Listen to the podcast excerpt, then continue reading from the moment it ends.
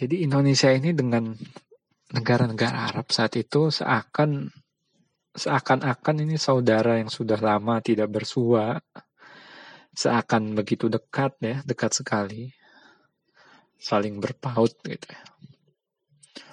ya bahkan aneh, Raja Faruk itu belum pernah ketemu pemimpin eh, pemimpin-pemimpin Indonesia gitu kan, seperti Azam pun belum pernah. Tapi mengapa sangat dekat gitu ya, sampai siap membantu Indonesia. Pemuda-pemuda.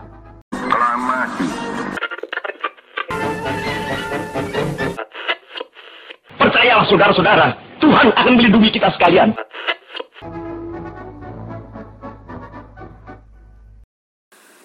Halo, balik lagi di podcast sejarah dari Jejak Islam Bangsa. Hari ini kita akan bahas bagaimana hubungan negara-negara Arab dengan Indonesia di masa kemerdekaan. Seperti apa sih? Yuk sama-sama dengerin. Assalamualaikum warahmatullahi wabarakatuh. Selamat mendengar podcast kedua Jejak Islam Bangsa bersama saya Rizky Lesus. Kali ini saya diminta mengisi podcast tentang hubungan antara Indonesia dengan negara-negara Arab di awal kemerdekaan. Karena terkait tema ini sebenarnya sudah lama ya ada pertanyaan pertanyaan-pertanyaan tentang bagaimana sih hubungan negara-negara Arab dengan Indonesia di saat uh, waktu itu gitu ya di awal kemerdekaan dan konteksnya dengan sekarang terkadang suka ada celutukan-celutukan yang uh, yang cukup menarik ya misalkan silahkan pergi ke Arab kalau tidak suka di sini dan keturunan Arab segala macam dan lain gitu ya. Jadi kali ini kita bakal ngebahas tentang hubungan Indonesia dengan negara-negara Arab di awal kemerdekaan. Nah, kali ini saya bakal membahas tema ini sudah saya tulis sebenarnya dalam buku ya, yang saya tulis Perjuangan yang Dilupakan mengulas perjuangan umat Islam yang terdilupakan dalam sejarah Indonesia. Tulisan tentang tema ini ada beberapa tulisan saya tulis termasuk di artikel di jejakislam.net seperti yang berjudul Kado Istimewa Arab untuk Indonesia, lalu ada Degup Cinta Palestina untuk Indonesia. Ada juga tentang air mata Indonesia di sudut Kairo dan beberapa tulisan lainnya saya sudah tulis di website atau di buku yang saya tulis.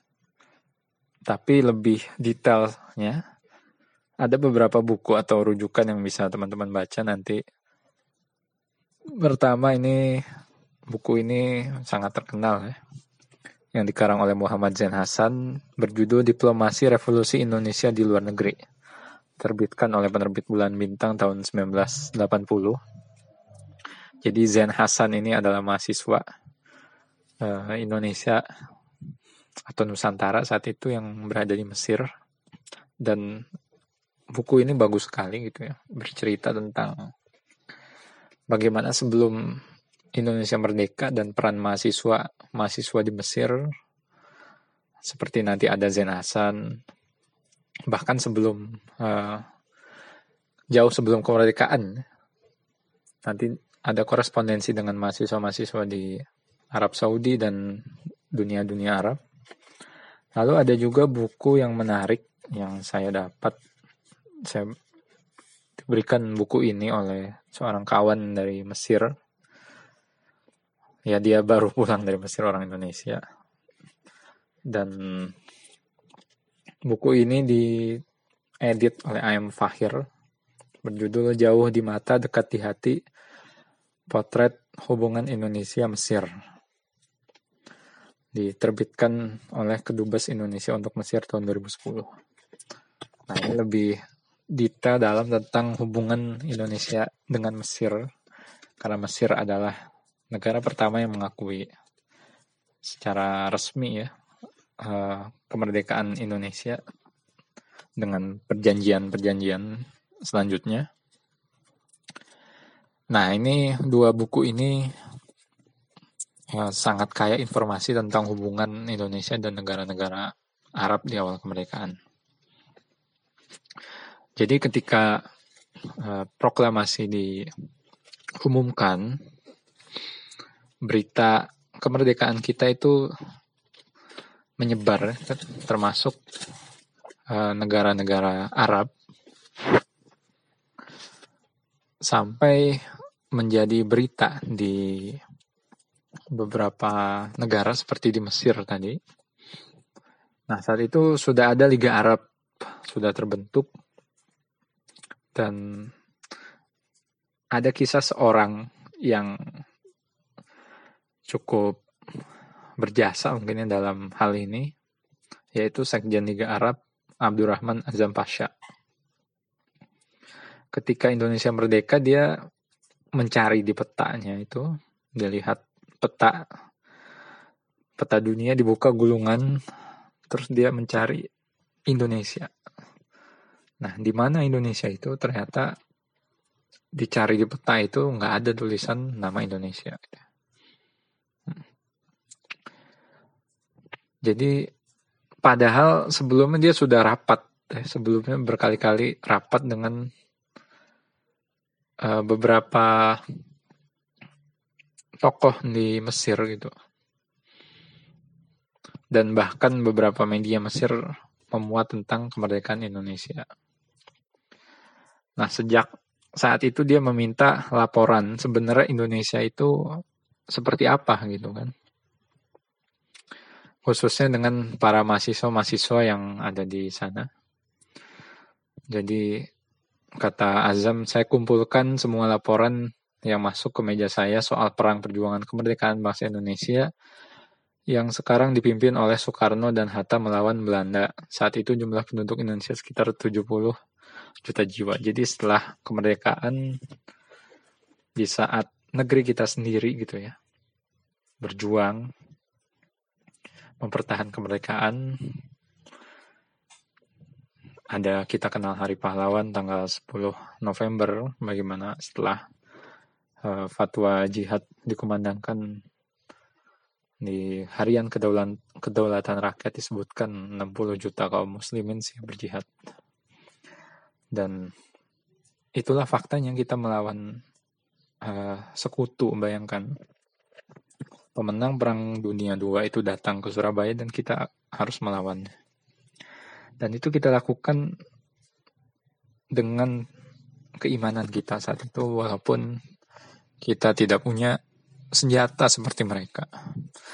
Dan menariknya di seberang lautan ribuan kilometer di daerah Arab sana ternyata masih ada orang yang memikirkan kita Indonesia.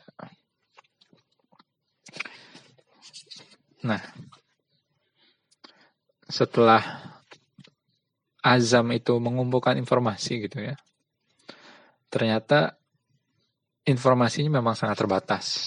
Artinya eh, belum terbayang sebenarnya Indonesia itu seperti apa gitu kan, perjuangan seperti apa. Namun informasi itu sudah eh, ada gitu ya, terkumpul sedikit demi sedikit. Ternyata Indonesia itu wilayah yang bernama di peta itu misalkan disebut Juzur al-Hindi al-Hollandia Asyarkiyah. Jadi kepulauan Hindia Belanda Timur. Nah, jadi wilayahnya sudah diketahui gitu ya. Dan Azam itu akhirnya bertanya kepada Perdana Menteri Mesir pada waktu itu, merangkap Menteri Luar Negeri Mesir Mahmud Fahmi Norakshi, Nokrashi, bagaimana pendapat yang mulia seandainya kita memberi dukungan atas perjuangan bangsa Indonesia? Tanya Azam. Nah, Azam setelah mendapatkan informasi dia bilang, yang mulia bangsa Indonesia adalah bangsa muslim yang sedang berjuang untuk merebut kemerdekaannya kembali dari tangan penjajah Belanda.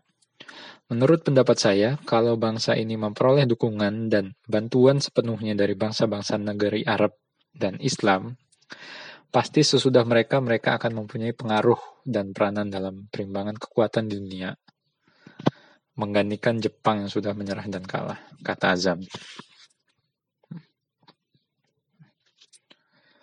Jadi di seberang negeri sana ternyata masih ada yang memikirkan kita negeri ini Indonesia. Dan dan hal itu langsung ditanyakan kepada perdana menteri Mesir. Dan perdana menteri Mesir kaget ya karena ditanyakan itu dan bertanya tapi Indonesia itu bukankah jauh letaknya? Lalu Azam berkata meyakinkan yang mulia, jarak antara kita dengan Indonesia bukan masalah. Menurut saya, negara-negara Arab bisa menjalin hubungan yang erat dengan bangsa Indonesia yang mayoritas beragama Islam. Jika kita memberikan bantuan kepada bangsa Indonesia dalam peperangan melawan Belanda, saya yakin mereka tidak akan lupa saat mereka merdeka nanti. Pastilah mereka akan mengingat kebaikan kita ini dan akan membantu perjuangan kita menghadapi tentara Inggris, dan perjuangan membebaskan tanah Arab yang masih dalam pendudukan bangsa lain. Ya, jadi itu jawaban Azam. Lalu setelah pertemuan itu ternyata Perdana Menteri pun tidak berkata lebih lanjut. Suasana mendadak hening gitu ya. Karena apa? Karena tadi harapan besar azam atas negara ini suatu saat hubungan baik akan terjadi setelah Indonesia merdeka. Jadi azam pasca saat itu sudah yakin kalau Indonesia dibantu ini akan bisa mempertahankan kemerdekaannya. Tadi kita lihat, saya yakin mereka tidak akan lupa saat mereka merdeka nanti pastilah mereka akan mengingat kebaikan kita ini untuk membebaskan tanah Arab yang masih dalam pendudukan bangsa lain. Ya, bahkan sampai sekarang tanah wilayah Arab pun yaitu misalkan Palestina itu masih dalam pendudukan dan harapan azam ya, harapan orang-orang saat itu saya yakin mereka tidak akan lupa saat mereka merdeka nanti ya. Indonesia setelah merdeka diyakini tidak akan lupa bahwa ya mereka akan mengingat kebaikan bangsa-bangsa Arab. Ya, kalau kita melihat Palestina hari ini, bahkan orang-orang Palestina saat awal kemerdekaan sebelum merdeka bahkan Syekh Amin Al Husaini Mufti Palestina sudah memberikan dukungan untuk kemerdekaan negara kita dan Azam yakin suatu saat ya setelah merdeka mereka tidak akan lupa saat mereka merdeka nanti, pastilah mereka akan mengingat kebaikan kita membebaskan tanah Arab yang masih dalam pendudukan bangsa lain. Sebagai lanjutan dari pertemuan ini, Perdana Menteri akhirnya berpesan agar diberikan data tentang Indonesia. Walaupun saat itu dia belum bisa menyajikan apa pun. Nah, Azam sendiri akhirnya setelah uh, bertemu Perdana Menteri. Beliau ingin juga bertemu Raja Mesir waktu itu, Raja Faruk. Dan uh, dia bilang, yang penting bagi saya Raja, Raja setuju bahwa Mesir memberikan bantuan yang diperlukan oleh Indonesia. Setelah itu saya akan menghubungi negara-negara Arab lainnya untuk memperoleh dukungan atas apa yang saya lakukan. Nah ini uh, usaha yang dilakukan oleh Azam. Ya bak gayung bersambut. Telepon kantor Liga Arab tiba-tiba berdering saat itu. Yang telepon ternyata Raja Mesir. Raja Mesir tanpa basa-basi langsung tanya. Apa yang paling diperlukan Indonesia? Tanya Raja Faruk. Azam jawab, selain pengakuan kedaulatan, yang paling dibutuhkan adalah senjata. Namun, jika ditambah dengan pengiriman sukarelawan dari negara-negara Arab, maka itu lebih baik. Ini jawaban Azam terhadap Raja Mesir. Di telepon itu Raja Mesir langsung bilang, seluruh senjata biar dikirim dari Mesir, adapun sukarelawan dikirim negara-negara Arab. Tegas Raja Mesir saat itu. Ya, mendengar jawaban itu, Muhammad uh, Azam Pasha terkesima ya, dia terharu gitu ya. Ada rasa yang sulit dijelaskan memang. Termasuk oleh kita mungkin sekarang kok bisa-bisanya ada negara merdeka yang belum pernah dilihat gitu ya. Seperti apa misalkan hanya dalam berita Soekarno dan Hatta tapi merasakan ikut perjuangan uh, perjuangan yang sulit jelaskan gitu ya. Melihat saja belum pernah, menggenggam tanahnya belum pernah. Tapi entah mengapa ada harapan yang terbesit begitu saja gitu ya. Jadi seluruh senjata biar dikirim dari Mesir, adapun sukarelawan dikirim negara-negara Arab, tegas Raja Faruk. Faruk ya. Jadi Indonesia ini dengan negara-negara Arab saat itu seakan seakan-akan ini saudara yang sudah lama tidak bersua, seakan begitu dekat ya, dekat sekali, saling berpaut gitu ya. ya bahkan aneh, Raja Faruk itu belum pernah ketemu eh, pemimpin-pemimpin Indonesia gitu kan, seperti Azam pun belum pernah. Tapi mengapa sangat dekat gitu ya, sampai siap membantu Indonesia. Ya. Selanjutnya uh, dukungan ini ya tentu saja dibawa dalam sidang Liga Arab gitu ya untuk pertama kali dalam sejarah ada surat dari panitia perkumpulan kemerdekaan Indonesia dibacakan di hadapan para pemimpin Arab ya di istana di Mesir uh, pemimpin sidang saat itu Mahmud Fahmi Nokrasy ya Menteri Luar Negeri Mesir, Perdana Menteri, sekaligus membacakan surat dari Indonesia pertama kali di hadapan para pemimpin Arab. Jadi sudah dibentuk panitia kemerdekaan di Arab. Ya. Situasi di Indonesia semakin gawat sehubungan dengan digelarnya sidang Liga Arab. Kami menantikan dukungan konkret dari negara-negara Arab dan pengakuan terhadap Republik Indonesia Merdeka. Kami juga mengharap Inggris tidak membantu Belanda dan tidak ikut campur urusan Indonesia. Tertanda Perkumpulan Kemerdekaan Indonesia. Ruangan terentak sejenak. Gitu. Isu kemerdekaan Indonesia yang diusung di sidang Liga Arab yang menjadi viral kalau zaman sekarang. Dan tidak perlu menunggu waktu lama. Uh, Azam meminta pemerintah Inggris untuk tidak ikut campur dalam urusan uh, perjuangan bangsa Indonesia. Dan dia menegaskan negara Arab tidak akan ragu untuk mengirimkan sukarelawan untuk berjuang uh, bersama rakyat Indonesia mengumumkan jihad visabilillah. Setelah itu Azam bertemu Raja Arab Saudi Abdul Aziz As Saud ketika itu sedang berkunjung ke Mesir tanggal 16 Januari 1946. Berarti beberapa bulan setelah kemerdekaan. Ditanya, yang mulia di timur jauh, ini kata Azam, ada bangsa muslim yang jumlahnya mencapai 70 juta jiwa. Mereka mengumumkan jihad melawan penjajah Belanda untuk meminta hak-haknya dan meraih kemerdekaannya kata Azam kepada pendiri, pendiri kerajaan Saudi ini.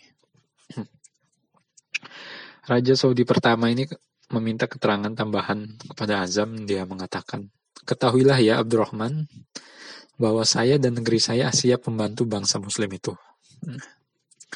Azam kemudian menjelaskan bahwa yang dibutuhkan oleh Indonesia itu pengakuan uh, kedaulatan ya, dan juga uh, senjata dan juga sukarelawan. Maka Raja Arab berkata, Ya Abdurrahman, apa pun yang mereka minta, saya minta melakukannya. Jadi saat itu pertemuan berakhir kesepakatan bahwa pengiriman senjata menjadi tanggung jawab Mesir, sedangkan biaya pengangkutan senjata menjadi tanggung jawab Arab Saudi. Ini ditulis ya, jelas dalam buku-buku dua referensi utama yang saya uh, sebutkan di awal. Diterbitkan resmi oleh uh, kedutaan Indonesia di Mesir dan juga Muhammad Zain Hasan yang mendapat uh, sambutan ya dari uh, Menteri Luar Negeri dalam bukunya. Nah, setelah mendapatkan dukungan dari para raja kerajaan Arab, Azam bertekad jadi tidak sampai komitmen saja gitu ya dia buka kembali peta Indonesia. Dalam hatinya dia berkata harus ada perwakilan Liga Arab yang datang langsung ke Indonesia. Ya. Dia pun akhirnya bertekad mengutus perwakilan bangsa Arab datang menyatakan dukungan kepada Indonesia langsung. Ya. Jadi sebenarnya tadinya dia yang pengen berangkat gitu ya. Tapi itu tidak memungkinkan karena terlalu jelas dia itu adalah sekjen Liga Arab gitu ya. Dan pasti dicekal karena untuk ke Indonesia itu sangat sulit ya. Dari Mesir ke Indonesia bayangin bisa dibayangkan berapa jauhnya dan itu harus melewati uh, blokade Belanda saat waktu itu yang terjadi di Indonesia. Nah, kelak sejarah ya, sejarah akan mencatat bagaimana perjuangan perwakilan Liga Arab ya. Yang kita tahu namanya Muhammad Abdul Mun'im, penembus blokade, bertaruh nyawa, menyelusup ke negeri ini ya, ke negara kita sekarang ini yang merdeka dengan menyampaikan segenggam pesan sederhana bahwa negeri ini tidak sendiri ya Nah itu uh, sekilas tentang bagaimana negeri kita Indonesia yang baru seumur jagung, baru merdeka, merasa sendiri tiba-tiba ada saudaranya di sana, di negara yang belum pernah ketemu, para pemimpinnya dengan pemimpin negara ini. Dan pertemuan ini, pertemuan batin ini akan tercatat sejarah ya. Akan ada pertemuan lanjutan ketika utusan Liga Arab datang langsung ke Indonesia. Saya sering menyampaikan kalau dalam bedah buku, ini kalau di filmin keren banget ini bagaimana Abdul Munim masuk ke Indonesia. Jadi filmnya hmm, nggak hmm, kalah seru sih dari film. Mungkin Jason Bourne atau uh, James Bond ya Skyfall dan lain-lain. Ini tentang agen yang menyamar dan mengaku ingin berburu binatang buas tapi malah Eh, ke Indonesia untuk bertemu Soekarno Hatta. Dan ini pun tidak mudah gitu. Karena dia harus bertaruh nyawa dikejar oleh pesawat Belanda harus bermanuver dan uh, lain sebagainya jadi harapan azam akan negeri ini dulu sangat besar sekali harapan negara-negara Arab terhadap kita Indonesia itu sangat besar sekali harapannya adalah kelak gitu ya. Kita di masa yang akan datang setelah merdeka akan membebaskan negeri-negeri yang terjajah. Negeri-negeri yang non jauh di sana yang mungkin masih berpeluh dalam kesendirian, semakin tergerus waktu ya. Bahkan namanya dari peta dunia itu menghilang ya, dan berganti nama lain. Jadi sejarah akan berulang ya akankah kita Indonesia akan mengingat ketika kita dulu masih sendiri ya belum ada yang mengakui kita dan satu persatu tangan terulur lembut kepada negeri ini gitu ya. Dalam sidang Liga Arab tadi kita dengar tahun 46 ya, bagaimana Liga Arab merekomendasikan anggota-anggotanya untuk mengakui kedaulatan Indonesia. Ini adalah kado istimewa dari bangsa Arab untuk Indonesia. Dan inilah uh, awal cerita ya, awal podcast ini tentang uh, bagaimana negara-negara Arab begitu peduli terhadap negeri ini. Dan akankah setelah merdeka negeri ini kita masih memiliki kepedulian ya, terhadap bahkan negara yang sampai sekarang masih dijajah itu masih ada gitu dan kita ingat amanat amanat uh, undang-undang dasar kita bahwa penjajahan di atas dunia harus dihapuskan. Karena memang kita dulu merasakan bagaimana sulitnya dijajah dan berjuang untuk mempertahankan kemerdekaan. Dan kita ingat ya bagaimana negara-negara di luar sana membantu ya. Dan walaupun jauh mereka tetap ingin membantu kita. Gitu dan karena apa gitu ya karena apa sih mereka ingin membantu kita gitu. dan itu nanti mungkin akan uh, disampaikan langsung secara resmi oleh Presiden Soekarno ketika utusan Liga Arab secara nyata datang ya sebagai tamu negara pertama di Indonesia uh, bahwa ikatan antara negara Arab dan Indonesia sangat kuat karena pertalian agama yaitu Islam. Nah, terakhir kita uh, ingat kembali bagaimana tadi ucapan-ucapan para pemimpin Arab di masa silam dan mungkin tanpa peran mereka sulit ya kita berjuang sendirian karena memang dukungan moral pengakuan itu sangat penting sekali di saat orang lain tidak mengakui pengakuan itu sangat krusial perannya. Dan kisah ini berlanjut ya, mungkin di podcast selanjutnya kita akan bahas bagaimana uh, pertemuan pertemuan selanjutnya dan bagaimana respon pemerintah Indonesia setelah mengetahui bahwa negara-negara Arab berkomitmen untuk membantu Indonesia. Nah, itu kita akan bahas mungkin di pertemuan atau podcast selanjutnya. Jadi stay tune di podcast Jejak Islam untuk Bangsa ya. Kalau yang belum follow IG-nya silahkan follow Jejak Islam Bangsa.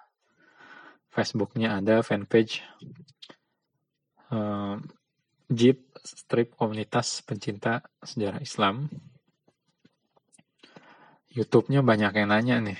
Hmm, kapan uh, update YouTube dong gitu kan video karena kita banyak kajian. Ya jadi mohon doanya saja. Uh, saat ini kalau mau di YouTube sebenarnya banyak sih ya. Kita beberapa kali kolaborasi sama teman-teman komunitas.